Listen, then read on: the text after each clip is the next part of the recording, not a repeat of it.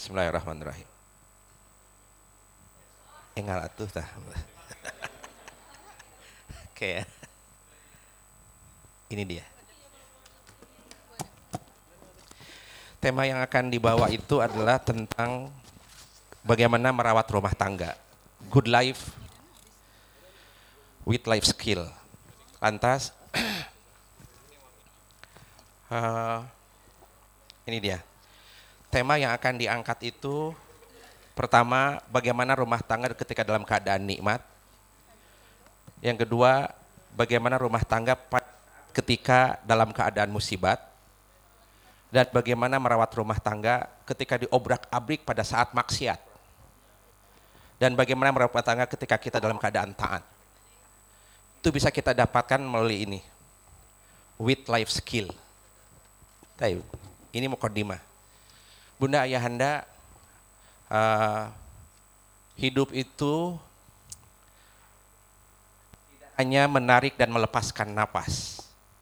Hidup itu tidak hanya berdetaknya jantung, tapi hidup itu dipertanggungjawabkan. Bahkan helak napas itu mempertanggungjawabkan bisa bertahun-tahun di hadirat Allah Subhanahu wa taala.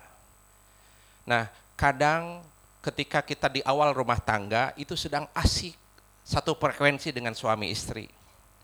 Dari mulai mempersiapkan pelaminan, mempersiapkan kado pernikahan, bahkan mempersiapkan di mana resepsi kita adakan. Itu satu frekuensi satu tahun pertama satu frekuensi, pas tahun kedua sudah mulai roaming. Oke. Nah, roaming itu banyak faktor, entah karena pulsa tidak punya, roaming kah? Yang kedua, roaming itu pada saat ketika handphone sudah tidak ada power, jadi lowbat. Di sisi lain, istri teh naik imannya, dan setiap hari mengaji. Di sisi lain, ayah kita itu lowbat, dan mikirin dolar terus setiap hari. Oke. Jadi efeknya suami dan istri jadi rooming, beda gelombang. Nah, di sini perlu orang ketiga. Ketika istri nasihatin suami, siapa kamu? Kamu teh? Kamu istri saya?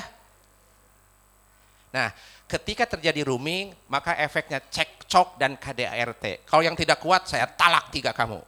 Musibah. Nomor tiga tadi, kadang hidup rumah tangga itu masuk ke wilayah maksiat punten saya mungkin di negara luar sana, ketika ketahuan suami selingkuh, sakitnya tuh di sini tah si istri teh.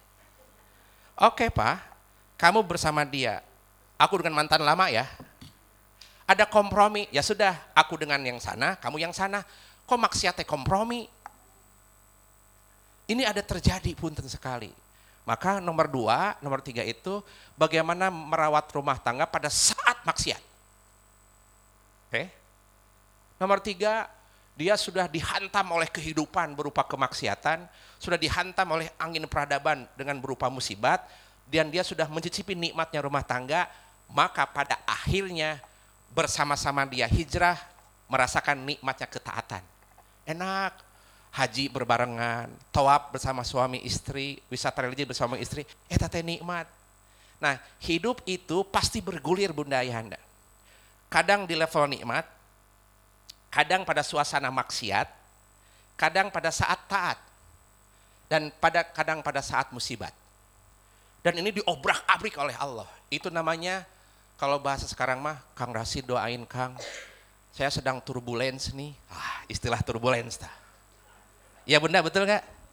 Eh, eta turbulent kayak naik roller coaster. Naik, turun, naik. Nah, orang yang punya life skill, dia temperatur batinnya stabil. Mau pada posisi maksiat, stabil. Wow pada saat musibat, stabil. Pada posisi taat, stabil. Pertanyaannya, rumah tangga yang stabil itu teh hebat. Maka Al-Quran nyebutnya itu rumah tangga sakinah, mawaddah, warohmah. Dia tahan banting dengan roller coaster kehidupan. Orang yang sedang main, sedang di arena roller coaster harus punya ini. Tah harus punya ini. Nah, kajian ini kalau orang sudah punya ini, maka dia akan good life. Maka judul utama pada pertemuan pagi hari ini izinkan Kang Rasid, walaupun saya orang Sunda, rada kesel huruf F sama P teh. Tapi memberanikan diri Bunda Ayahanda, memberanikan diri. Seperti ini ada benar, life skill. Betul ya? Taib. Nah, jadi punten Bunda Ayahanda, jadi kalau mau good life, good life with life skill. Kalau kita punya life skill, maka dia hidup performance kehidupannya hebat. Lanjutin. Maka kalau sudah punya life skill, akan mudah dapatkan ini. Ke mana surganya itu ngegeser ya? Utuh di sini mah. Oke. Ke mana menit ah. Oke. Ya. Tapi kalau punya sudah life skill, dia bisa menemukan surga di rumah. Jadi tidak mencari surga ke Dubai, mencari surga ke Song Selise, mau beli Herme, ya, atau mencari surga ke Washington DC. Surga itu ada di rumah, Pak. Gak usah capek-capek. Ya, temukan surga di rumahmu, yaitu rumah tangga. Maka keluarlah hadis Kangjeng Nabi Muhammad SAW, yaitu baiti jannati. Rumahku adalah surgaku. Itu adalah hadis buat yang sudah rumah tangga. Kalau yang jomblo mah kasihan itu. Jomblo wati. Dia kalau jomblo mah tidak menemukan ini, Pak.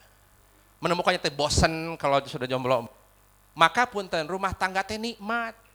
Ini contoh. Ada sebuah dialog antara Presiden Soekarno dengan Profesor Dr. Kadirun Yahya. Dua-duanya sama-sama eksak. Profesor Dr. Kadirun ditanya oleh Insinyur Soekarno dalam sebuah dialog keagamaan di Istana Merdeka. Waktu itu tanya begini, Pak Profesor, jabatan tertinggi itu apa saja?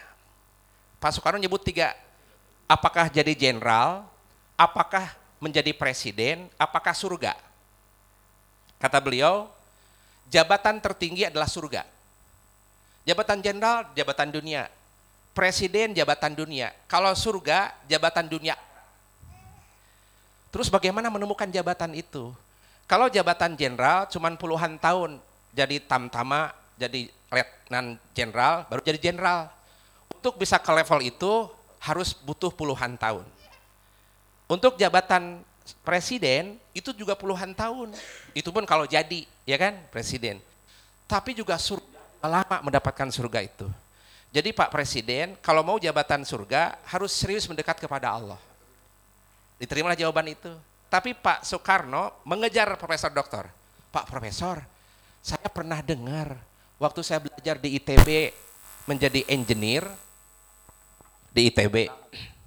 Nah kemudian aku ketemu dengan ustadz-ustadz dan para kiai dan saya dengar sebuah hadis dari Pak Kiai itu. Kata Pak Kiai ini hadisnya mutafak alaih bunda. Kata beliau ada seorang PSK, ini punten, seorang PSK wanita tunasusila dari kawasan Bani Israel dari Palestina. Kemudian kehidupannya maksimal maksiat, tidak pernah ada taat. Hidupnya malam, dugem, kenal vodka, Jack Daniel, martini pakai jeruk nipis deh. Gitu ya. Tidak kenal teh tongji. Nah, dia teh dugem terus jadi PSK Nah suatu ketika di momen kehidupannya, dia menemukan anjing yang kehausan. Saking hausnya itu anjing, lidahnya menjulur sampai ke tanah. Sudah jelas sekali kehausannya. Ketika melihat anjing, si PSK ini ada rasa iba di hatinya. Kasihan itu anjing, dia kehausan. Nah, kemudian dia berusaha menghilangkan dahaga anjing. Si PSK tadi nyari air, nyari air. Kemudian ketika nyari air ketemu, minumkan ke anjing. Setelah diminumkan ke anjing, anjing hilang dahaganya dan pergi. Kemudian si gadis PSK ini melanjutkan perjalanan bisnisnya. Baru 10 langkah gitu ya, 10 langkah dia terjungkal mati Pak, meninggal. Si gadis PSK itu. Diceritakan oleh para nabi Bani Israel, gadis ini sudah surga. Pas orang nanya, Pak Profesor, kok gadis ini cepat ke surga, kok saya malah lama? Kok dia bisa cepat pakai fast ke surga track. Untung saya sudah keluaran SOP tadi ya. ini pakai jalan cepat ke surga, mana saya lambat? Oke, ini jawaban harus disampaikan di sini. Kenapa gadis cepat ke surga, kok saya lama? Padahal dia, lihat gadis PSK, anjing najis badannya. Kalau PSK, najis ahlaknya. Sama-sama najis. Tapi kenapa ini PSK langsung surga? Tolong terangkan kepadaku, wahai profesor. Profesor tadi diam saja teh. Tapi karena profesor ini orang eksa, orang ahli fisika, Pak Soekarno pun juga ahli fisika. Pak Soekarno izin Pak Presiden, bolehkah saya minta kertas? Oh boleh, kasihlah kertas dan pulpen. Pak Soekarno tolong, satu tambah satu, dua. Dua tambah dua, jawab betul bunda, jawab. Teman eh. Empat tambah empat, delapan. Delapan kali tak terhingga, tak terhingga. Oke, bagus. Tapi Pak, eh, Pak Soekarno, dosa kali dosa sama dengan dosa. Kalau dosa kali tak terhingga, tak terhingga. Pak Soekarno, oke okay, Profesor, lanjutin kata dia. Itu PSK ahli maksiat. Tapi dia beramal baik di akhir kehidupannya ngasih air ke anjing. Bukan manusia, anjing. Tapi perbuatan ngambil air dikalikan kepada kekuasaan Allah. Ya Allah, saya bawa air untuk menghilangkan dahaga makhlukmu anjing itu. Tolong engkau berkahi dari perbuatan ini ya Allah. Jadi dia kalikan dengan kemaha tak terhingganya Allah. Maka dia sama dengan pahalnya tak terhingga. Efeknya karena pahalnya tak terhingga, pahala yang tak terhingga mentorpedo dosa-dosanya. Torpedo tah. Sampai habis dosa-dosanya. Akhirnya dia bersih silahkan Pak Asrek masuk surga. Pastrek betul, Pastrek, fast track gitu. Oke. Okay. Nah, setelah dia naik ke Pak Soekarno, betul Pak Presiden. Sekarang kita, walaupun amalan kita gede, naik haji teh besar ongkosnya. Apalagi ONA plus 400 juta per orang. Iya. Kemudian santunan yatim piatu seribu orang, itu teh besar. Tapi kalau perbuatan itu dikalikan ke manusia, kecil pahalanya. Tapi kalau rumah tangga dikalikan karena Allah, gede pahalanya. Ada nikah demi update status itu. Kan bukan karena Allah. Maka setiap kehidupannya turbulence terus. Tidak lillah. Nikah yang tidak lillah jadi jina. Harus karena Allah memang. Menyentuh perempuan cantik yang lembut dengan nama lillah jadi halal. Tah. Ada kata lillah, qabil tu nikahaha wa tajwijaha bimahdin madkur lillah. Aku terima Bapak pernikahan Neng Dewi dan Kang Asep dengan mas kawin satu karung tempe. Contoh. Karena Allah, uh, teteh. Maka punten, setiap ibadah kalau dikalikan dengan yang maha tak terhingga, maka pahalnya tak terhingga. Tapi kalau perbuatan yang gede dikalikan karena pamrih manusia, itu jadi kecil pahalanya. Maka oleh karena itu, punten budaya henda, itu namanya life skill, temukan surga di rumahmu. Kalau si gadis PSK menemukan surga di anjing, surganya. Kalau bunda ayahanda, temukan surga di rumah, jangan nyari anjing. Di rumah saja itu surganya. Surganya di rumah, punten saja. Ngasih makan anak, punten nafkah, anak kita kan senang makan, mungkin satu sendok tuh katakan ada 50 butir nasi. Satu butir nasi kali seribu pahala. Pak. Itu besar. Kalau 50 kali seribu, 50 ribu pahala. Kebetulan anak kita tadi ada gendut. Jadi dia makan rada asik. Jadi sehari di 50 sendok. Tapi punten bukan sendok tembok, sendok biasa gitu. Nah, kalikan pahalanya Pak. Tapi beda kalau ngasih sendok ke tetangga sebelah, minus tetangga sebelah mah. Itu pahalanya, surga ada di sana. Ada uang lebih mah, eta tas ganti dong mah, malu. Mama ke mana-mana pakai paper bag terus. Alhamdulillah. Saya tadi teriak-teriak pakai itu. Sampai mana tadi? Oke, okay. ini enaknya pagi hari itu begini, fresh. Kalau jam satu nggak mungkin ketawa ini. Nah, mah ganti dong mah, itu jangan pakai paper bag terus. Rada bener, paper. Ya. paper bag. Ya udah tumpah bagaimana? Yuk ikut sama papa, kebetulan ada tugas ke Perancis. Kasih kasih ATM unlimited. Sok mah pilih mah Herme yang mana tah. Nah, habislah itu Herme warna merah dark blue teh, harganya 250 juta. Oke. Di ACC pakai 250 juta, punten Bunda. Ngasih lillah ke istri nafkah. 250 juta dikasih ke istri, Allah gantikan in return-nya 2,5 miliar. Tah. Maka punten ngasih nafkah.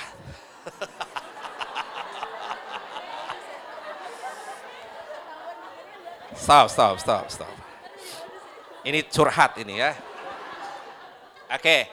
Nah, dari situ punten saya merasakan Bunda Ayahanda.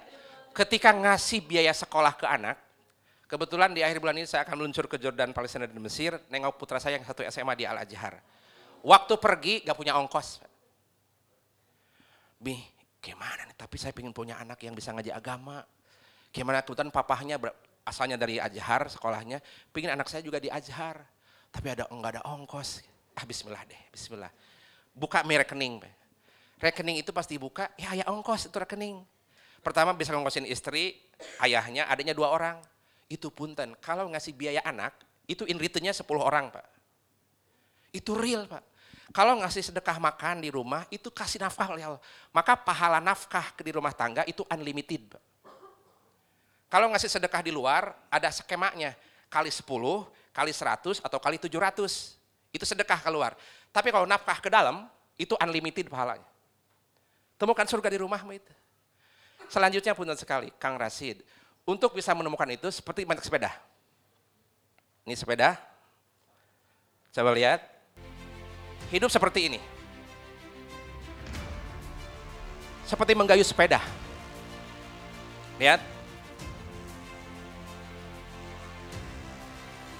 Mau naik ke gunung, ke pasir, ke laut yang penuh salju, hidup seperti itu kayak turbulence ya. Lihat, dia naik ke mana-mana, hidup seperti sepeda bernaik sepeda. Coba lihat sejenak, bagaimana dia melintasi kehidupan. Kadang naik, kadang turun, kadang basah, kadang dingin. Itulah rumah tangga. Namun pertanyaannya, hidup seperti naik sepeda. Untuk menjaga keseimbanganmu, kamu harus terus bergerak menggayuh. Maka oleh karena itu, Bunda Ayahanda. Taib. Sepeda itu kalau kita tidak menggayuh, dia jatuh dan kegilas oleh zaman. Suami kita tidak mau update, kegilas oleh zaman. Istri kita tidak mau terus menambah ilmu, tergilas oleh zaman. Jadi syaratnya good life di sini harus ada tiga. Lihat dalam sepeda itu ada tiga. Kalau sepeda itu diam, dia terjatuh. Tapi kalau sepeda itu digayuh terus, dia terus maju. Ya. Hidup itu ada tiga tandanya. Terutama hidup dalam rumah tangga. Pertama, hidup rumah tangga itu harus ada gerak. Atau namanya movement. Yang kedua harus ada rasa. Yang ketiga harus ada tahu. Itu hidup namanya. Saya ulangi punten, tanda hidup itu ada tiga. Pertama harus ada gerakan. Yang kedua harus ada perasaan. Yang ketiga harus ada pengetahuan ya. Perasaan itu adanya di hati. Pengetahuan itu adanya di akal, di akal, di otak. Kemudian pergerakan ada di badan. Contoh, ada seorang suami duduk di kursi enam bulan gak gerak-gerak, hidup apa mati? Mati. Ada seorang suami lihat istrinya jatuh, jatuh dari tangga karena dia salah pakai pakai sandal. Dia pakai high heel 30 cm sampai dia terkilir jatuh ke bawah. Cuma begini, rasain loh, rasain. Berarti sang suami sudah tidak punya rasa. Dia mati sebelum mati. Dua, tah. Yang ketiga adalah tahu. Sejak dulu rumah tangga SD terus, Islam terus. Dia tidak pernah upgrade menjadi iman. Pengetahuannya di situ terus. Maka ketika dia tidak upgrade pengetahuan, dia sudah mati sebelum mati. Maka untuk kalau good life harus ada tiga syaratnya. Pertama harus ada gerak, yang kedua harus ada rasa, yang ketiga harus ada tahu. Kalau gerak itu ditata, dikelola, di manajemen, maka disebut dengan movement. Kalau rasa itu ditata, dikelola, maka dia menjadi learning to be. Kalau gerak itu ditata dikelola, maka dia akan menjadi sebuah usaha. Dengan kata lain, hidup itu pertama harus ada pengetahuan adanya di akal. Ketika akal di diasah, diolah SD, SMP, SMA, S1, S2, S3, maka ini akal dapat ilmu. Kedua badan, kalau badan digerakkan terus ke kanan, ke kiri, ke atas, ke bawah, maka badannya menjadi sehat, menjadi sick pack. Sick pack. Nah, sekarang ini hanya berhenti di sana. Akalnya cerdas, S2, PhD, badannya sick pack, body fit. Tetapi punten, badannya sick pack tapi jiwanya ngondek. Kan gak enak. Gak enak eta teh. Nah, maka nomor tiga harus hatinya rasanya tajam. Maka harus tiganya digabungkan dalam kode rumah tangga. Kalau akal disebut learning to know, kalau badan disebut learning to do, kalau rasa disebut learning to be. Itu tes satu paket, tidak bisa dipisahkan. Maka bunda syarat untuk good life adalah harus ke depan pengetahuannya, harus sehat badannya, dan harus tajam perasaannya. Itu digabungkan dengan tiga ungkapan, Islam, iman, ihsan. Persis seperti kopi, kopi yang dihidangkan. Kopi itu syaratnya harus tiga. Pertama ada kopinya, yang kedua ada air panasnya, yang ketiga harus ada gulanya. Nah ketiga unsur ini harus digabungkan, harus digabungkan. Dikocek ke kanan 30 kali, ke kiri 40 kali. Kocek gitu ya. Ya rada enak. Nah Kenapa Kang Rasi dikocek supaya terjadi blend, nyampur. Kalau sudah tercampur keluar aroma. Masa Allah kopi gayo nih. Nah. Kedua, nah aroma yang keluar itu berkat campur aduk antara gula, kopi, dan air panas. Maka terjadilah aroma itu. Hidup sama. Kemampuan suami dicampur aduk dengan kemampuan istri, dibumbui dengan kemampuan anak diaduk jadi rumah tangga sakinah. Tidak mungkin one man show suami teh. Gak mungkin one man show. Dia harus kerja sama. Kang Rasid kopi teh enak memang. Boleh gak dikasih susu Kang? Mangga kopi kasih susu. Dan susu mah sunnah. Oke. Kang Rasid boleh gak itu kopi dikasih gula? Dikasih creamer? Boleh atau udah creamer mah sunnah. Silahkan. Yang penting sudah punya inti. Kang Rasid boleh nggak? Ada yang nyeleneh nih. Kasih sianida boleh nggak Kang Rasid itu Kang? Gusti Sianida mah membunuh. Membunuh sianida mah. Maka pun sekali, tiga unsur ini harus ada pada good life. Akal melahirkan ilmu, badan melahirkan ikhtiar, hati melahirkan rasa.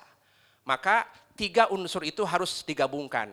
Saya ulangi, akal kalau diasah melahirkan ilmu, badan kalau dilatih menjadi ikhtiar hebat, hati kalau ditata punya rasa yang tajam.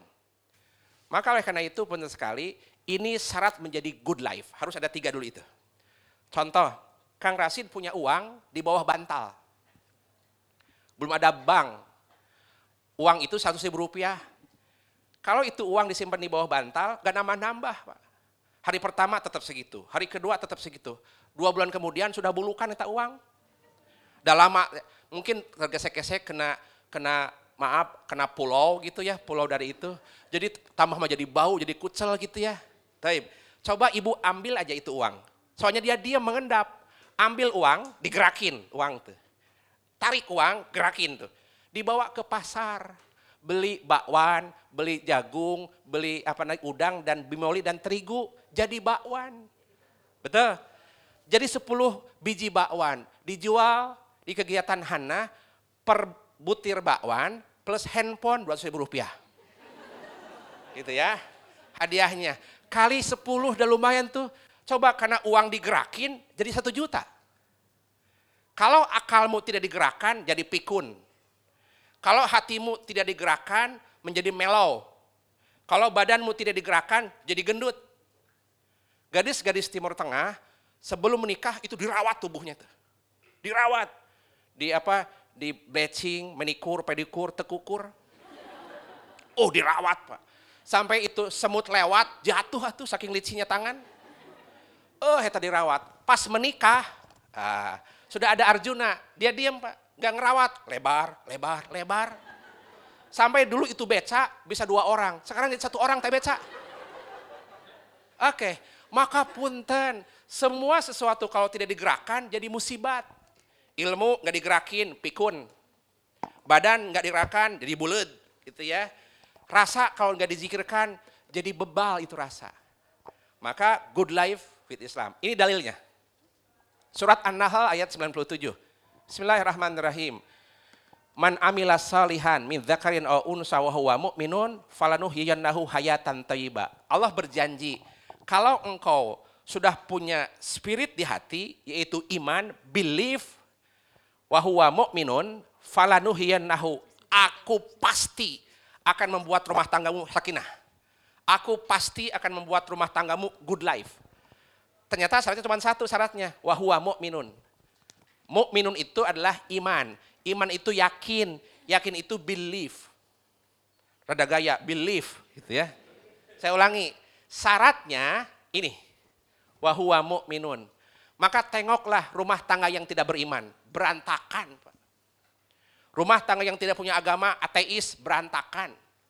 Tapi kalau rumah tangga yang ada ini, mukminun, ada belief, Allah yakin ke rumah tangga itu, falanuh yiyannahu hayatan toyibah. Hayatan toyibah bahasa Quran. Hidup yang bahagia. Bahasa orang kulon mah good life.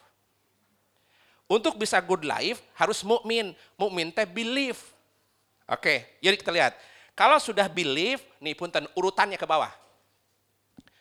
Your belief become your thoughts. Apa yang engkau yakini tentang Allah, apa yang engkau yakini tentang rumah tangga karena Allah, akan jadi pikiranmu. Oke? Your thoughts become your word. Apa yang jadi pikiranmu akan jadi kata-katamu, didiskusikan, diseminarkan, diobrolkan di sosmed, diviralkan. Itu karena di pikirannya. Kalau sudah jadi kata-kata, your word become your action.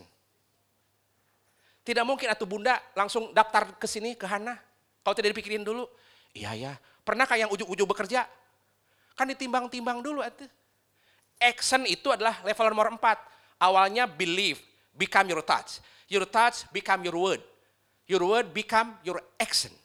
Oke, okay. action itu datang ke mertua.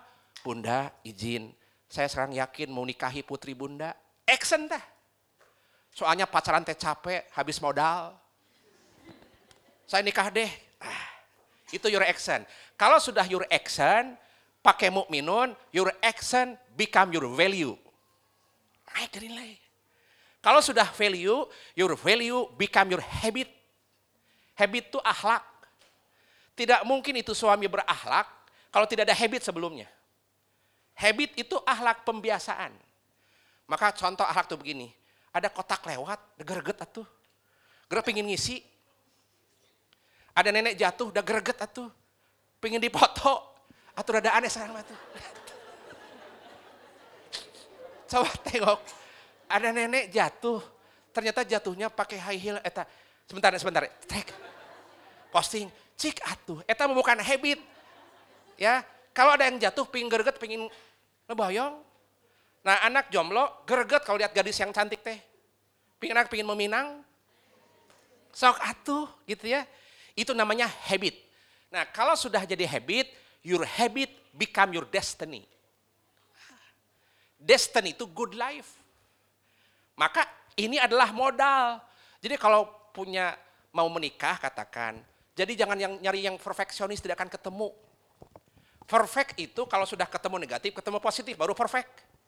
Kang Rasid, saya tuh sudah menjomblo 35 tahun. Gak ada yang cocok Kang. Aduh, nyari yang mana sih yang kayak gimana? Nyari yang kayak seperti Lady Di. Aduh Lady Di.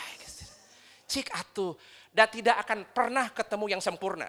Kesempurnaan itu kalau sudah ketemu, baut ketemu umur, baru sempurna. Ya, negatif ketemu positif baru keluar suara. Itu sempurna. Negatif ketemu positif keluar cahaya. Itu sempurna. Seorang ayah ketemu seorang ibu keluar Kang Rasid. Itu sempurna. Jadi kalau menikah jangan ketemu yang nggak tidak akan ketemu. Sempurna itu kalau sudah ketemu baru sempurna. Ini tamkan, punten. Lanjutin. Oke, Kang Rasid. Kalau sudah seperti itu, baru di mana Kang Rasid kita memulainya tuh good life itu langkah-langkahnya supaya bisa mendapatkan itu. Nah, ternyata good life itu berawal dari bagaimana niat merubah ketetapan di hati. Punten ini, lihat. Bagaimana kuatnya pengaruh iman dalam kehidupan rumah tangga. Iman itu letaknya di hati di sini. Bayangkan ini adalah sebuah gambaran hidup rumah tangga. Yang di atas ini koboi, itu seorang raja. Sedangkan kuda adalah istana, anjing adalah nafsu. Punten. Kalau raja ini mengomando kuda dan mengomando anjing, dia akan dapat buruan. Yang dimaksud raja itu adalah hati, hati teh raja. Dia akan jadi leader dalam rumah tangga. Yang kedua, kuda teh badan. Badan itu istana yang adanya raja. Sedangkan anjing adalah hawa nafsu atau jiwa. Hidup tanpa hawa nafsu tidak akan terjadi kehidupan. Tetapi hawa nafsu ini harus dikendalikan, harus dididik. Ya, lihat anjing punten. Anjing ini kalau dikomando oleh hati yang benar, wahai anjing, ya, rada pelan-pelan nyebut anjingnya ya. Wahai anjing. Orang Sunda mana gitu tak? Anjing, gak, gak, gak, gak menakutkan itu dah. Coba kalau orang Medan, oh keras itu. Wahai anjing, gitu ya. Nah, saya mau berburu ke hutan. Tolong bantuin saya ya. Di mana letaknya uncal? Uncal teh naon ya? Uncal. Uncal teh rusak. Uncal teh bahasa Sunda, bahasa sama angkel. Nah, tolong di mana letaknya rusak? Aku mau berburu. Kata tuannya kepada anjing. Kata anjing, karena anjingnya sudah dikasih makan, sudah dikasih minuman, maka dia patuh ke tuannya. Siap tuan, dia cari. Allah sudah ngasih fungsi ke setiap makhluk. Anjing dikasih fungsi, kuda dikasih fungsi. Fungsinya anjing atau hawa nafsu penciumannya. Seorang polisi nyari narkoba, di gedung tidak ketemu, diciumkan ke, ke hidung anjing. Simpan. Disimpan di panca inderanya, di instingnya. Itu anjing nyari narkoba di gedung 10 menit ketemu. Coba kalau diciumkan ke manusia, teler manusia mati. Ya. Jadi memang ada fungsinya eta nafsu. Nah, itu narkoba tidak akan diciumkan ke kuda. Kuda jadi pusing. Karena kuda punya fungsi, kuda mah powernya. Maka ada ada mobil tenaganya 8000 kuda. Uh, itu ya, maka kuda tenaganya. Ini komandonya. Nah, kalau itu sudah begitu, good life hidupnya. Tetapi punten, kalau ini nggak dikasih makan, anjing nih, nggak dikasih minum, dia ngambek tah. Dia berubah tah. Yang tadi nafsu temut mainah, ketemu dengan tetangga yang suka narkoba, yang kiri tukang maling, terwarnai tah si nafsu itu. Maka dia akan menggigit anjingnya, menggigit tuannya, nggak dikasih makan. Nafsu di diri suami, sahwat di diri istri, kalau nggak dikelola, sahwat teriak tah. Habis si papa pulangnya sebulan sekali sih. Ah, ada sahwat yang tak terpenuhi. Tah. Habis LDR terus sih pak. Sahwat tak terpenuhi. Tah. Di tengah kehidupan rumah tangga mulai gejolak. Tah. Di mana? Bukan salah ini. Tuh. Coba lihat anjing Hachiko. Tahu? Yang Jepang? Oke. Okay. Anjing Hachiko itu liar, Pak. Galak. Tapi karena dirawat oleh tuannya, dikasih makan, dikasih minum, dikasih rumah. Eh, jadi anjing itu manut ke tuannya. Ketika manut, itu tuannya mau pergi ke kantor, dianterin ke stasiun kereta api, duduk tungguin tuh. Dari pagi sampai sore, pulang, pergi. Suatu ketika tuannya meninggal. Karena belum ada WhatsApp. Ya, itu pulang nggak pulang-pulang kita ke mana tuan, itu anjing diam saja. Anjing tuh diam saja sampai dia anjing udah mati itu tuannya. Kedinginan, kepanasan dan itu anjing mati di stasiun. Kenapa? Belonging kepada tuannya. Sampai Jepang mengabadikan ada patung Hachiko di depan stasiun. Sudah berdiri nih. Akang udah? Sedikit lagi. Nah oleh karena itu pun sekali. Itu anjing menjadi patuh ke tuannya. Nah kita punya nafsu dalam tubuh suami, ada nafsu dalam tubuh istri. Kalau dia kelola, dia patuh kepada tuannya. Nah, yang membuat kita patuh, maka dia kalau hidup itu ada empat keadaan. Allah akan menguji orang untuk naik pangkat di empat keadaan ujiannya. Pertama, Allah akan menguji dengan maksiat. Allah akan menguji dengan nikmat. Nomor dua. Yang ketiga, Allah akan menguji nafsu dengan musibat. Yang keempat, Allah akan menguji nafsu dengan taat. Nah, orang yang life skillnya hebat, ketika diuji maksiat, dia segera taubatan nasuha. Kalau diuji nikmat, dia segera syukur. Kalau diuji musibat, dia sabar. Kalau diuji taat, dia ikhlas. Apa pun kehidupannya, mau turbulen seperti apa pun, dia sudah punya keahlian. Mah, satu bulan sudah tidak sholat kita mah. Segera taubat.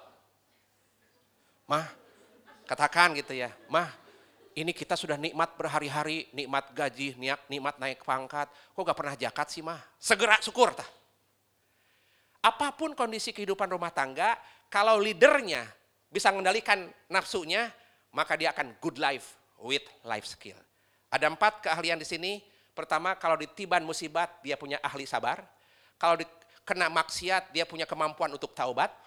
Kalau terkena nikmat, dia punya kemampuan untuk syukur.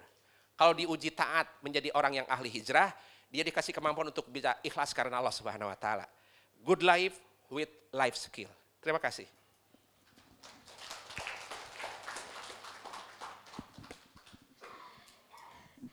Ya Masya Allah Kang Rashid, aduh terima kasih banyak materinya. Buat teman-teman, uh, apakah ada pertanyaan untuk Kang Rashid? Boleh yang di, uh, di Mosfit atau bertanya langsung seputar akidah atau tauhid dalam keluarga. Ada yang mau nanya? Enggak nih, wah udah jelas nih materinya. Aduh. Oke, sebenarnya abis ini uh, panitia sebentar langsung ke. Ada, ada yang mau ada yang bisa bertanya dari Mosfit? Ada yang mau nanya? Atau bertanya langsung ya dari sini ya? Nggak ada ya? But, Silahkan Bunda, Ayahanda, leluasa okay, kita rumah kita ini. Mungkin ada yang mau curhat tadi soal herme-herme gitu ya. Mungkin ada curahan hati disuruh beliin gitu ya. Iya. Dari panitia. Oke, oke sambil nunggu mungkin belum kepikiran mau nanya apa. Kita games dulu aja ya Kang, boleh? Siap. Asik. Bentar nih. Oke, jadi buat yang belum tahu lagi di Hana itu kita punya hashtag namanya jawab dengan tauhid. Jadi kan kalau kata Kang Rashid bilang kan tauhid itu juga sebenarnya skill yang harus dilatih. Dan kita mau mengajak ayah bunda di sini untuk bermain sekalian kita melatih ke e, ketauhidan kita gitu ya. Benar gak ya, sih? Betul, betul. Iya, jadi um, saya mau minta ada tiga orang volunteer. Satu dari ayah, dua dari bunda. Ada hadiahnya tapi bukan laptop ya. bukan seperti Ada. satu pria dibilang ya ini bukan laptop tapi insya Allah bermanfaat ya. Bermanfaat ini bakal jadi contoh buat teman-teman juga karena ini praktek langsung ya. Uh, saya jelasin dulu deh uh, gimana caranya nih. Jadi nama gamesnya kita tuh uh, sama kayak di Instagram, jawab dengan tauhid. Jadi ceritanya nanti saya bakal jadi anak kalian, cie bertanya uh, tentang pertanyaan yang harus dijawab secara tauhid. Uh, kan pada uh, yang udah punya anak pasti ngerasain dong kalau anak-anak apalagi umurnya masih kecil-kecil tuh pertanyaannya suka ajaib-ajaib tapi kita bingung jawabnya gimana. Itu perlu dilatih. Nah ini sekarang kita mau latihan bareng mumpung ada expert-expertnya di sini bisa langsung dikoreksi gitu ya. Oke, jadi uh, nanti aku bakal uh, saya bakal kasih ada tiga pertanyaan. Pertanyaannya itu harus uh, dijawab dimulai dengan kata Allah. Jadi semua dikembalikan lagi uh, sama Allah. Oke? Okay? Yang berani dulu deh. Coba dari Bapak-bapak silakan dari Bapak Bena. ada yang berani maju ke depan satu. Masih bingung atau masa ada yang berani? Berani, oh, oh salah ya, kamu kamu belum bawa bapak, kamu masih kecil. Ayo boleh. Ayo jangan malu-malu, yang yang lagi hamil atau yang ya uh, belum punya anak, sih ada yang belum punya anak loh. Itu boleh banget, kita berlatih bersama. boleh, mau coba? Kan namanya latihan. Kamu visioner, nanti kalau punya anak jawabnya ada, ada udah Shoo, gitu. Mau coba? Ayo boleh? Ayo, ayo, ayo, ayo. ayo. Jangan malu-malu. Sok, ayo. Kita kita ini uh, ini loh, ladang pahala juga tes, kan, jadi tes. contoh buat teman-teman. Dari bapak-bapaknya okay. ada yang mau maju satu. satu? Ayo satu aja dong, boleh ayo, yuk. Ayo, ayo. Ada, ada. Ayo. Biar lebih semangat nih, ntar kita kan tadi udah belajar Masya banyak tentang Allah. tauhid juga. Kalau salah Ah, malu. ini nggak ada nggak ada salah Nah, benar. ada yang salah ini, tenang aja. Karena ini kita kan, kan namanya eh, orang Kita tua tetap belajar belajar. ya, belajar iya, bersama. di sini kan kita belajar sama-sama. Di Hana juga kita selalu ngomong kita tuh belajar bareng, sharing experience bareng. Jadi kita tuh nggak ada yang bener salah sebenarnya. Kita di sini saling ngingetin. Itulah fungsinya kita sebagai support group. Jadi bapak-bapak ayo ini udah dapat dua loh ibu-ibu. Ayo, bapak-bapak, satu aja boleh nggak satu ada. yuk. Satu. Nah, yaudah, nah, Alhamdulillah. alhamdulillah. Oke, Satu, ya. kenalan dulu ya situ ya. Oh iya. Boleh maju dulu? Oke. Mungkin kalau udah punya anak di-share juga anaknya umur berapa Ya. gitu. Dengan siapa dan Dengan Robi Abdurrahman. Sudah eh, satu umurnya tiga tahun. Masya Allah. Oke, makasih Mas Robi. Sekarang ada dua ya. Oke, dari akhwat sekarang. Iya kenalan dulu Mbak, namanya Mbak. Assalamualaikum, Eh, nama saya Anin. Eh, kebetulan belum punya anak. Insya Allah coming soon ya. Amin. Halo, aku Siva, belum punya anak juga. Sudah. Insya Allah, oh ini Masya Allah. Ini semangat, aku suka banget ini semangatnya nih. Semangat belajarnya kan. Yang lain jangan jangan mau kalah ya. Oke, jadi ada tiga pertanyaan. Eh, yang satu aku akan tujukan kepada Ayah Robi. Kamu bikin pertanyaannya juga ya? Iya, ada satu sini. Yang pertama ya. kamu jadi anaknya eh, Aku Papa jadi Robi anaknya? deh. Oke. Oke. Ya, nadanya harus ada anak kecil loh. Oh gitu ya. Dipanggilnya di rumah apa? Papa atau ayah atau? Daddy. Ayah.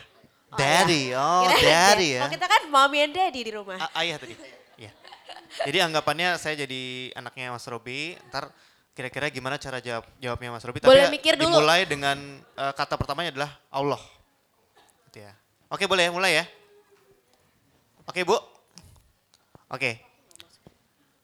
Ayah, kenapa sih ayah harus kerja padahal kan tinggal minta aja sama Allah?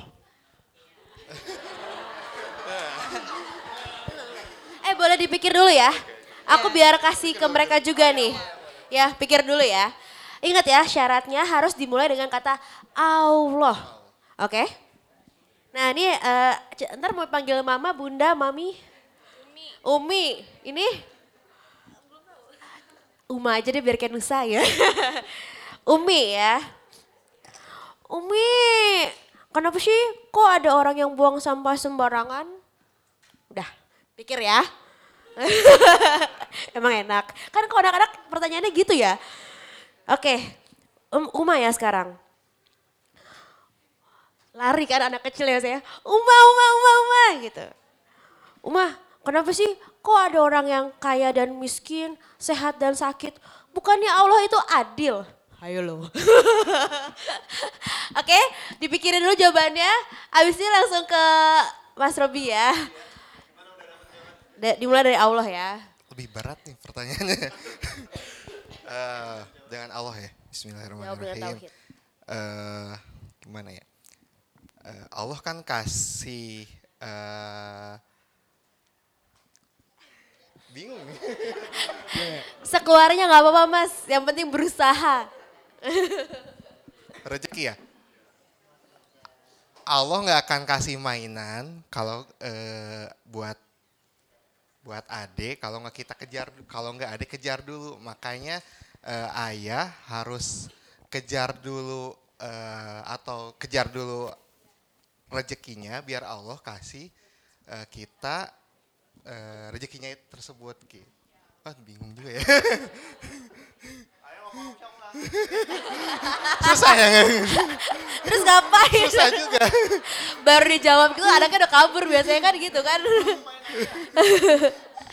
Jadi gimana tadi jawabannya diulang lagi mas? Diulang lagi? Jadi eh, singkatnya adalah Allah nggak akan kasih eh, mainan ke eh, adik kalau nggak adik kejar dulu begitupun Allah nggak akan ngasih uang buat kasih adik eh, beli mainan kalau nggak ayah kejar dulu rezekinya seperti itu. Oke gitu. Oke sebelum ke Umi dan Uma. Oke. Dari Kang Rashid eh, mau nambahin nggak? Kira-kira bapak-bapak ini harus menjawab apa ya? Kalau kayak gini nih. Kan pulang malam, kan tinggal minta nih sama Allah uangnya. Boleh Kang ditambahin Kang? Udah bagus itu jawabannya. Jangan-jangan bingung, jangan dong Kang. Ayo Kang, tambahin Kang. Saya nambah sedikit, punten Iya, iya, ya. iya. Karena kita hidup di dua alam, ada alam dunia, itu alam akhirat. Kalau di alam dunia harus ada sebab akibat. Kalau di akhirat tidak ada sebab akibat. Kalau di akhirat mah duduk di sini, duh haus, air datang. Duh pingin deket sama istri, istri datang. Tidak perlu usaha. Tapi karena kita di dunia harus ada usaha. Jadi nak, papa itu pergi ke kantor itu hanya usaha. Tapi Allah ngasih rezeki. Papa sakit, pergi ke dokter itu usaha. Usaha pergi ke dokter dihitung ibadah oleh Allah. Obat mah itu hanya usaha, yang ngasih sembuh mah Allah.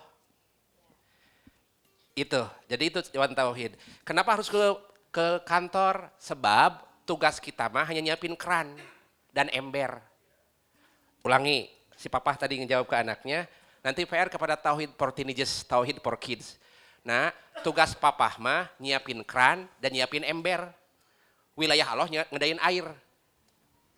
Nah, kalau datangnya jam 1 ke kantor, itu tutup salep. kalau datang jam 7 pagi, itu drum. Kalau datang satu bulan, itu tanker. Jadi tugas kita mah ikhtiarnya nyiapin ember dan keran. Jangan masuk ke wilayah Allah. Wilayah Allah mah air. PNS keran, buka online keran, buka toko di Senayan City itu keran. Wilayah kita itu. Nanti Allah kirim airnya. Masya Allah. ya bapak-bapak. Hafalin, hafalin, hafalin. Dihafalin ya. Iya. ya langsung ya.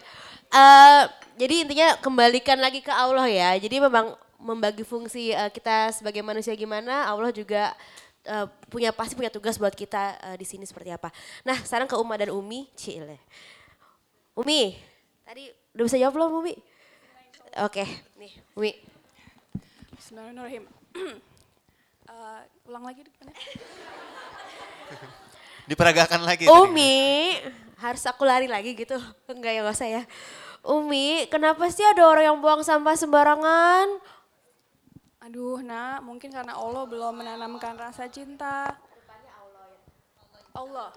Allah. Allah. Ya Allah. Iya boleh deh dikit ya.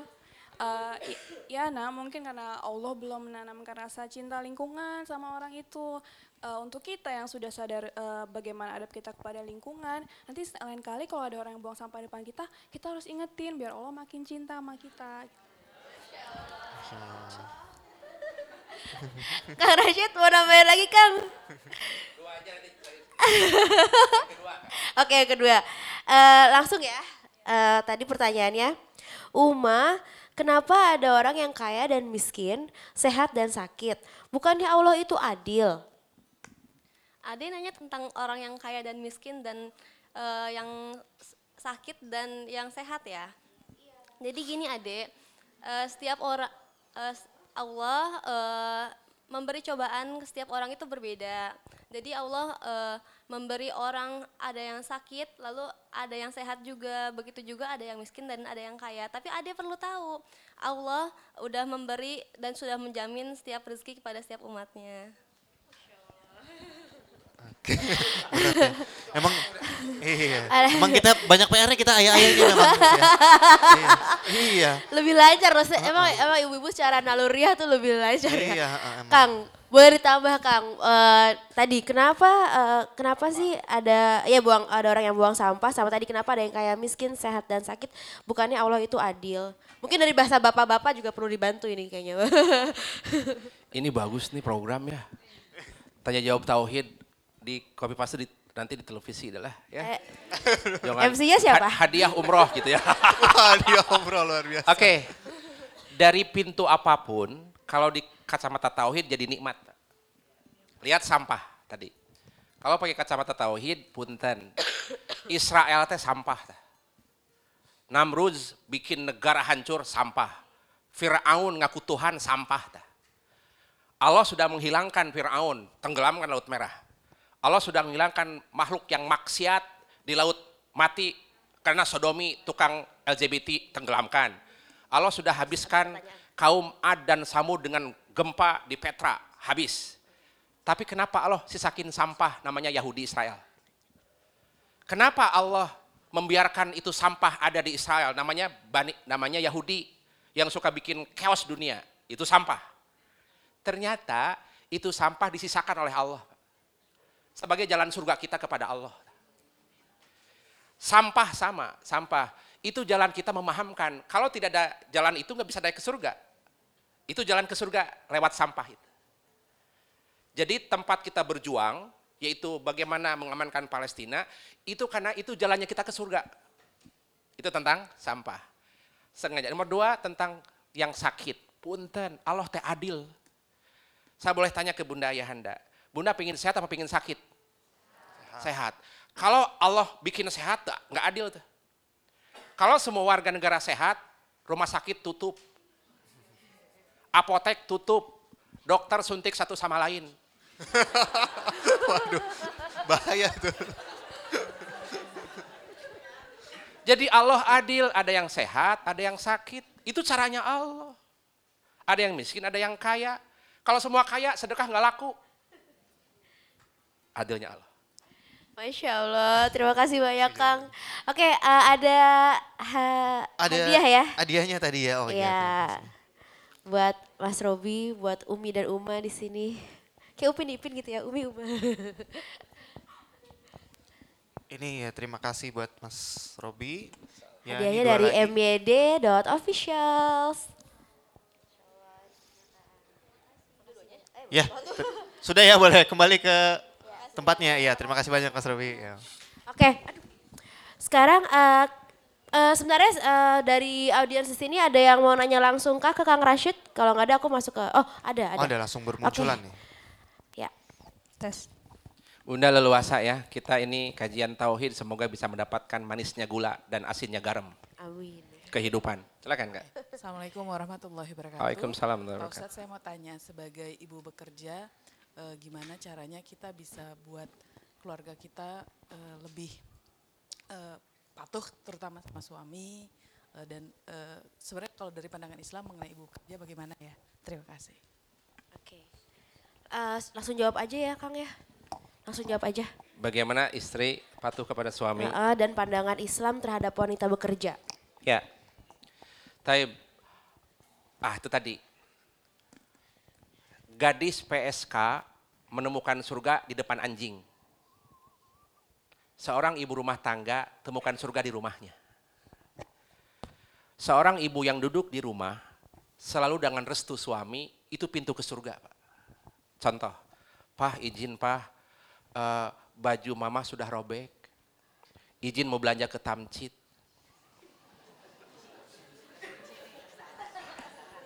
Emang ke mana itu?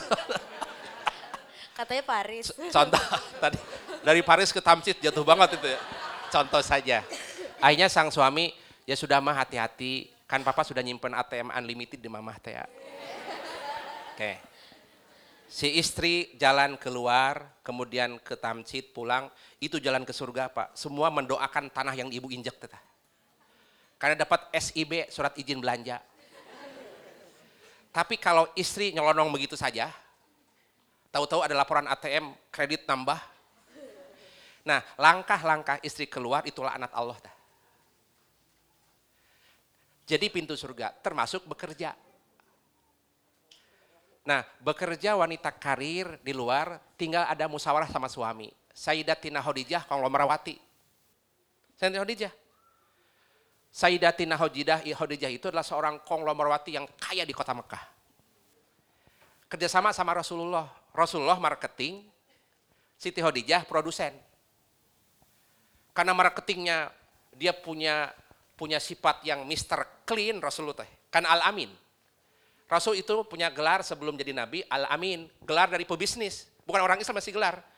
Mitra bisnis ngasih, dia tuh Al-Amin. Pebisnis di Sam, ketemu Nabi, Al-Amin. Maka Nabi punya predikat sebelum jadi Nabi.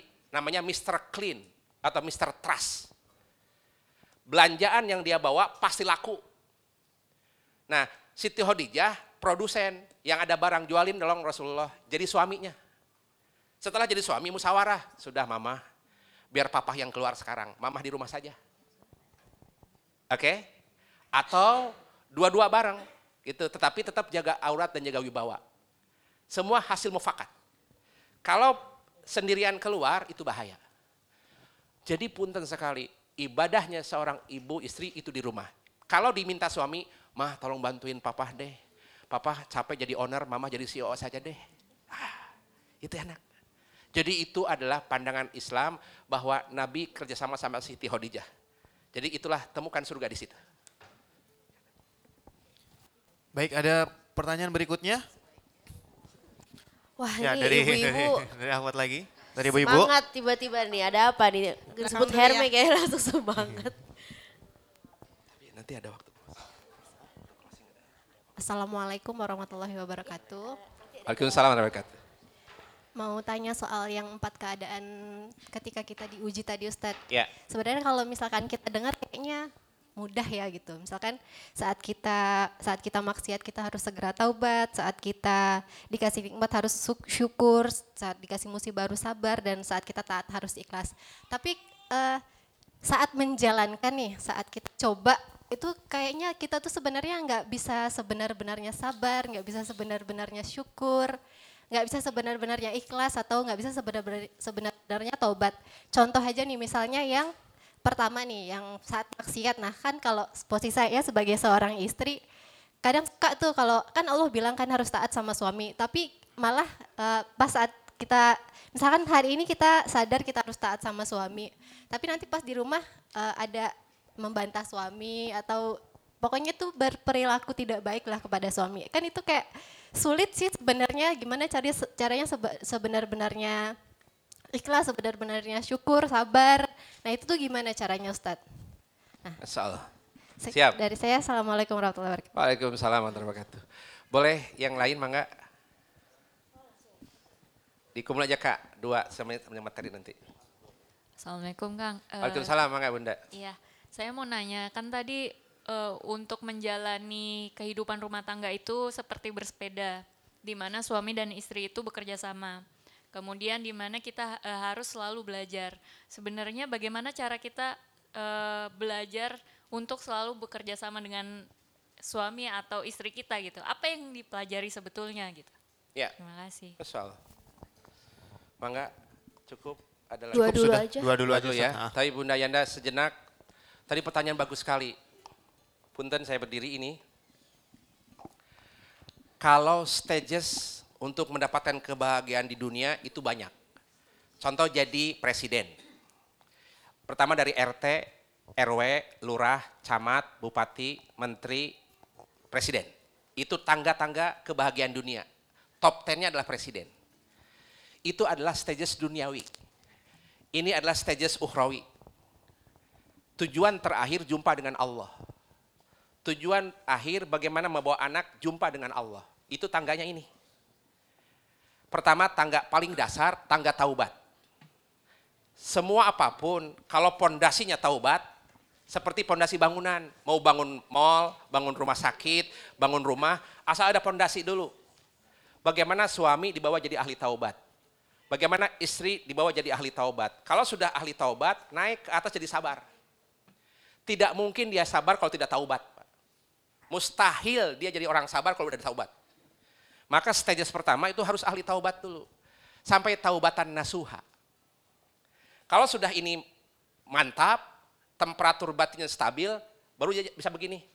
Lihat karakter istri, ya Allah, bisa. Nah, sabar sama istri itu punten bunda, punten sekali. Eh, curhat gak apa-apa ini teh? Mangga. Istri deh gini. Istri itu kan dia ada korpus kolosumnya banyak antara otak kanan otak kiri. Jadi jaringan otak istri itu lebih padat dibanding laki-laki. Korpus kolosumnya sedikit. Maka efeknya kalau istri itu multitask.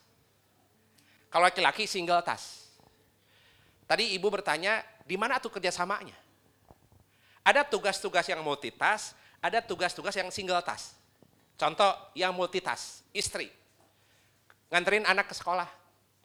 Punten atuh gendong bayi, starter mobil, pakai lipstick, pakai Revlon, gitu ya. Nelpon, nyalain nyalain AC, itu bisa. Multitask. Coba suami, Contoh nanti malam ada pengajian, Pak. Nanti malam ada pengajian dengan live movement dan Hana. Tolong Pak, Mama teh lagi sibuk, lagi belanja di Senayan City ini teh. Ya apa yang bisa dibantu, Mah? Tolong Pak keluarin mobil dari garasi, ambilkan karpet di lantai dua, belanja garam di pasar, dan tolong itu si Ade jemput di sekolah. Udah pusing Bapak mah. Tuh, bener banget katanya. Nah, kadang terjadi gesekan, tugas yang multitask dikasih ke single task, tugas yang single task dikasih kepada multitask. Ini gesekan dah. Maka tidak kuat. Kalau laki-laki itu single task, Pak. Satu dulu selesai, baru yang lain. Nah, maka bajukanlah itu pahami satu sama lain. Itu namanya kerjasama. Yang kedua, punten. Kalau perempuan ada curhat karena punya penyakit gegana, gelisah galau merana, atau dia andilo antar dilema dan galau, nangis terus. Kenapa mah? Gitu aja nangis mah. Jangan digituin oleh suami. Si istri yang nangis cukup kasih dada saja. Sini dong mas, sini. Dikasih dada terus eye contact. Ada apa sih mah? Iya tadi tuh pak ini deh. Dia butuh curhat aja, butuh tempat sampah. Betul kan? Betul, betul, betul. Kalau sudah selesai, selesai. Selesai. Maka lihat Don Juan de Marco, Casanova. Dia cukup kasih dada saja, dia diam wanita. Setelah itu kasih depokan dolar. Nah kalau laki-laki nggak bisa begitu, wahai para istri. Kalau laki-laki datang ke rumah, datang ke rumah dengan cemberut, lempar badan ke sofa, lempar eh, tas, nyopot sepatu pakai kaki sendiri gini, ke belakang, jangan tanya. Tah. Jangan ditanya, dia singa tah. Iya, tunggu sampai dia ke bawah. Kalau ditanya, Pak ada apa? Gak tahu mah, ada apa? Tuh gitu papa mah ya, gak sayang sama mamah ya. Oh tambah panas tah. Sama panas. Nah kak tunggu sampai dia ke bawah, dia nanti curhat sendiri. Mah sebetulnya kemarin tuh gak ada apa-apa sih mah. Dia jadi pahlawan dia. Mah sebetulnya udah selesai sih papa itu. Maka laki-laki mah dia perlu menyendiri, kontemplasi, solusi sendiri. Itu laki-laki. Ini yang masuk kerjasama itu. Oke, nah tentang tadi Bunda Yana bagaimana taubat, ini taubat dulu. Saya kasih contoh punten, taubat yang istimewa. Ini buahnya. Sekaligus materikan ya. Ini dia. Kenapa kita tidak bisa merasakan taubat? Karena belum tahu tentang apa itu taubat. Mari kita lihat. Taubat itu adalah dia bisa menghabirkan nikmat. Surat Nuh ayat 10, 11, 12. Fakutu stagfiru rabbakum innahu kana ghaffara wa yursilis samaa alaikum midrara. Kalau suamimu taubat, kalau istrimu taubat, aku kirim anak ke keluarga itu.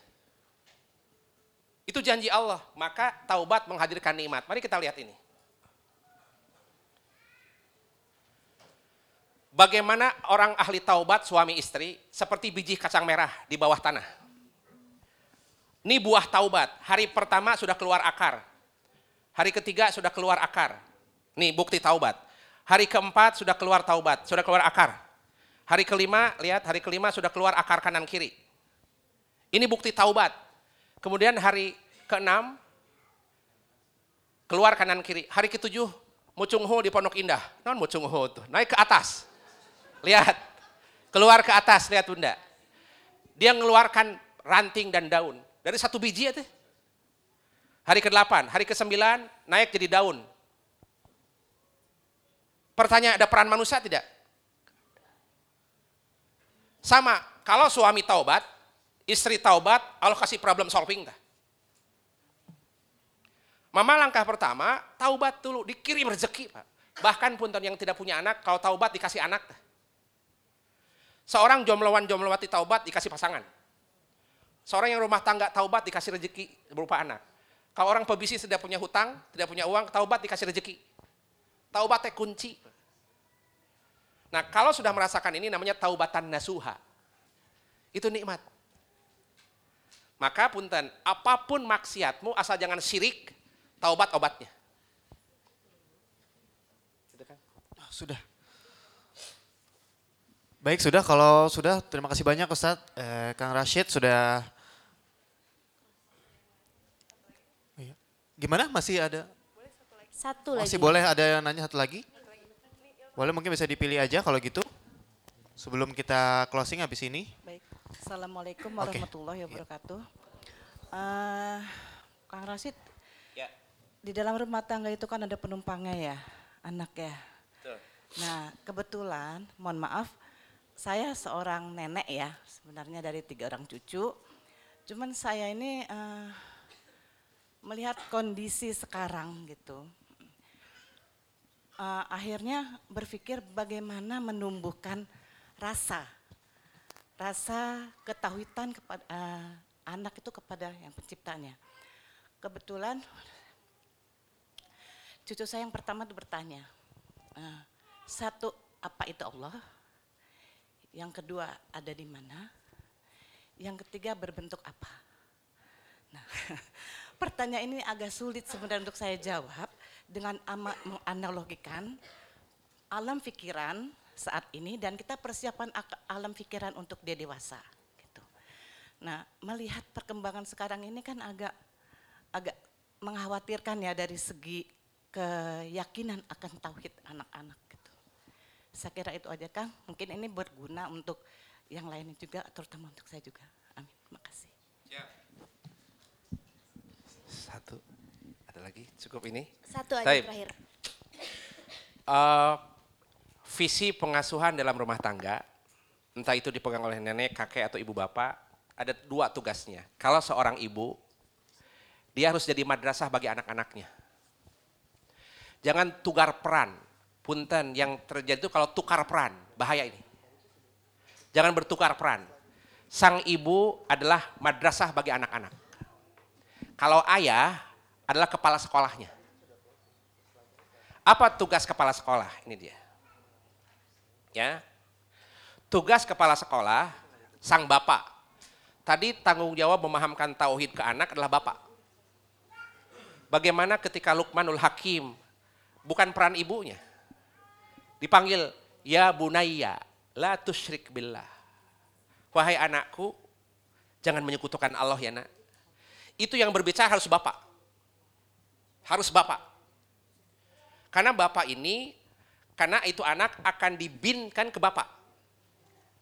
Oke, maka tugas bapak itu adalah membuat nyaman sekolah. Yang kedua, menentukan visi dan misi rumah tangga. Nomor tiga, evaluasi program. Kok bulan-bulan ini ke rumah agak panas ya?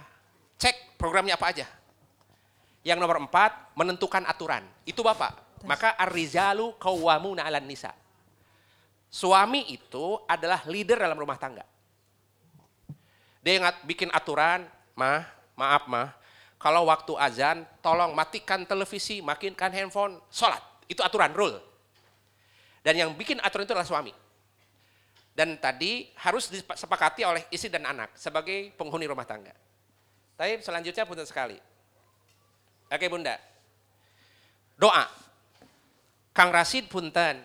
Bagaimana mengajarkan tauhidnya? Bapak contoh seperti ini bunda nih. Salah satunya adalah menancapkan rasa nikmat di hati anak. Saya izin. Contoh nikmat nih, penglihatan.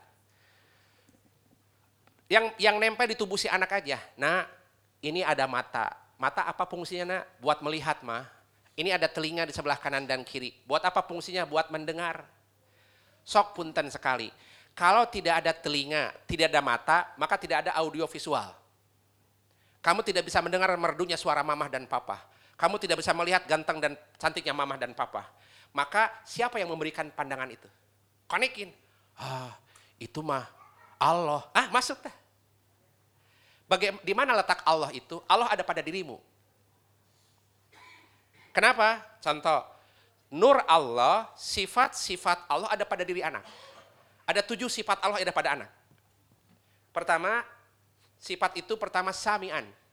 Allah itu maha mendengar dan bisa membuatmu mendengar. Telinga, namanya samian. Sifat yang kedua, Allah itu basiron. Allah itu maha melihat dan bisa membuatmu melihat. Gini nak, tolong nak. Ada teman Ami, ada istri di belakang, dia punya teman, ada mata, dia sudah tidak ada air matanya. Jadi dia kalau mobil sudah tidak ada olinya, itu kan habis aus besinya. Nah ada mata tapi nggak ada airnya. Akhirnya dia dioperasi ke Singapura, dioperasi, dia habis uang 300 juta. Akibat tidak ada air mata. Yang kedua, yang sebelah, mending saya tidak punya air mata. Yang sebelah tidak bisa ngedip. Kelotot terus. Dioperasi di Singapura habis 3 miliar.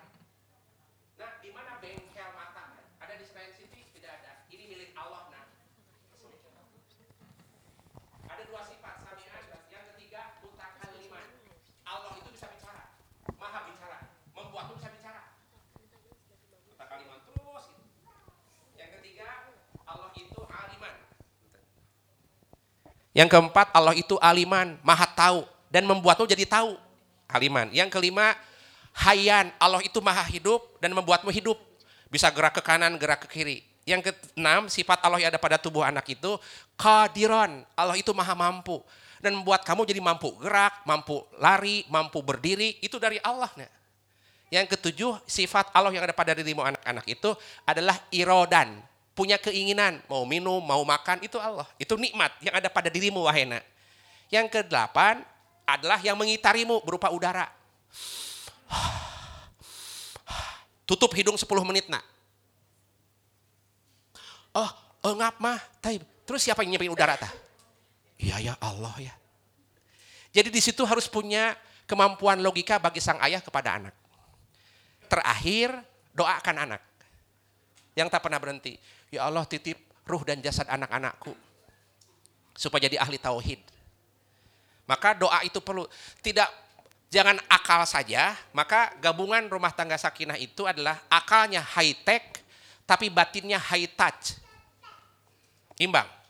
Kebanyakan orang S3, S2, PhD, high tech tapi low touch. Tauhidnya tipis. Penutup, cerita dari Bandung. Penutup dari pertanyaan Bunda. Bagaimana Kang Kasih menancapkan setelah pengetahuan terakhir doa? Ada seorang anak nonton terus, main game terus, sampai berapa megabit itu file gamenya itu. Mobile Legend terus, Xbox, sampai itu kacamata tebal. Gak mau sekolah, gak mau sholat, dicubit, gak mau, nangis, tetangga sebelah rewel, teteh atau kasihan si ade, kalau tahu dia tahu dia ikut nyubit juga dia. Nah, kumaha tuh akhirnya dia jeritkan kepada pemilik anak. Nah, punten, anak titipan. Laporkan kepada yang nitipnya. Laporlah ke Allah. Dia datang ke gurunya di Tasikmalaya, Pak Kiai punten, anak saya nggak bisa mau sholat, nggak mau diajar benar, nakal, liar, punten ada kalimat itu keluar. Sebab saking maksimal nakalnya. Punten itu ya, Kiai kasih arahan. Aa, anak itu buah tergantung akar. Kalau buahnya asam, periksa akarnya. Dan tidak mungkin itu buah ujung-ujung asam, periksa akarnya. Anak itu buah, akar itu ibu bapaknya asam ahlaknya, asam budi pekertinya. Periksa akar buah bapak dan ibunya. Maksud Pak Kiai, jadi saya yang salah. Mereka yang salah Pak Kiai, kata dia. Enggak, A, tetap ibu bapaknya yang salah. Maka periksa. Terus bagaimana tuh Pak Kiai?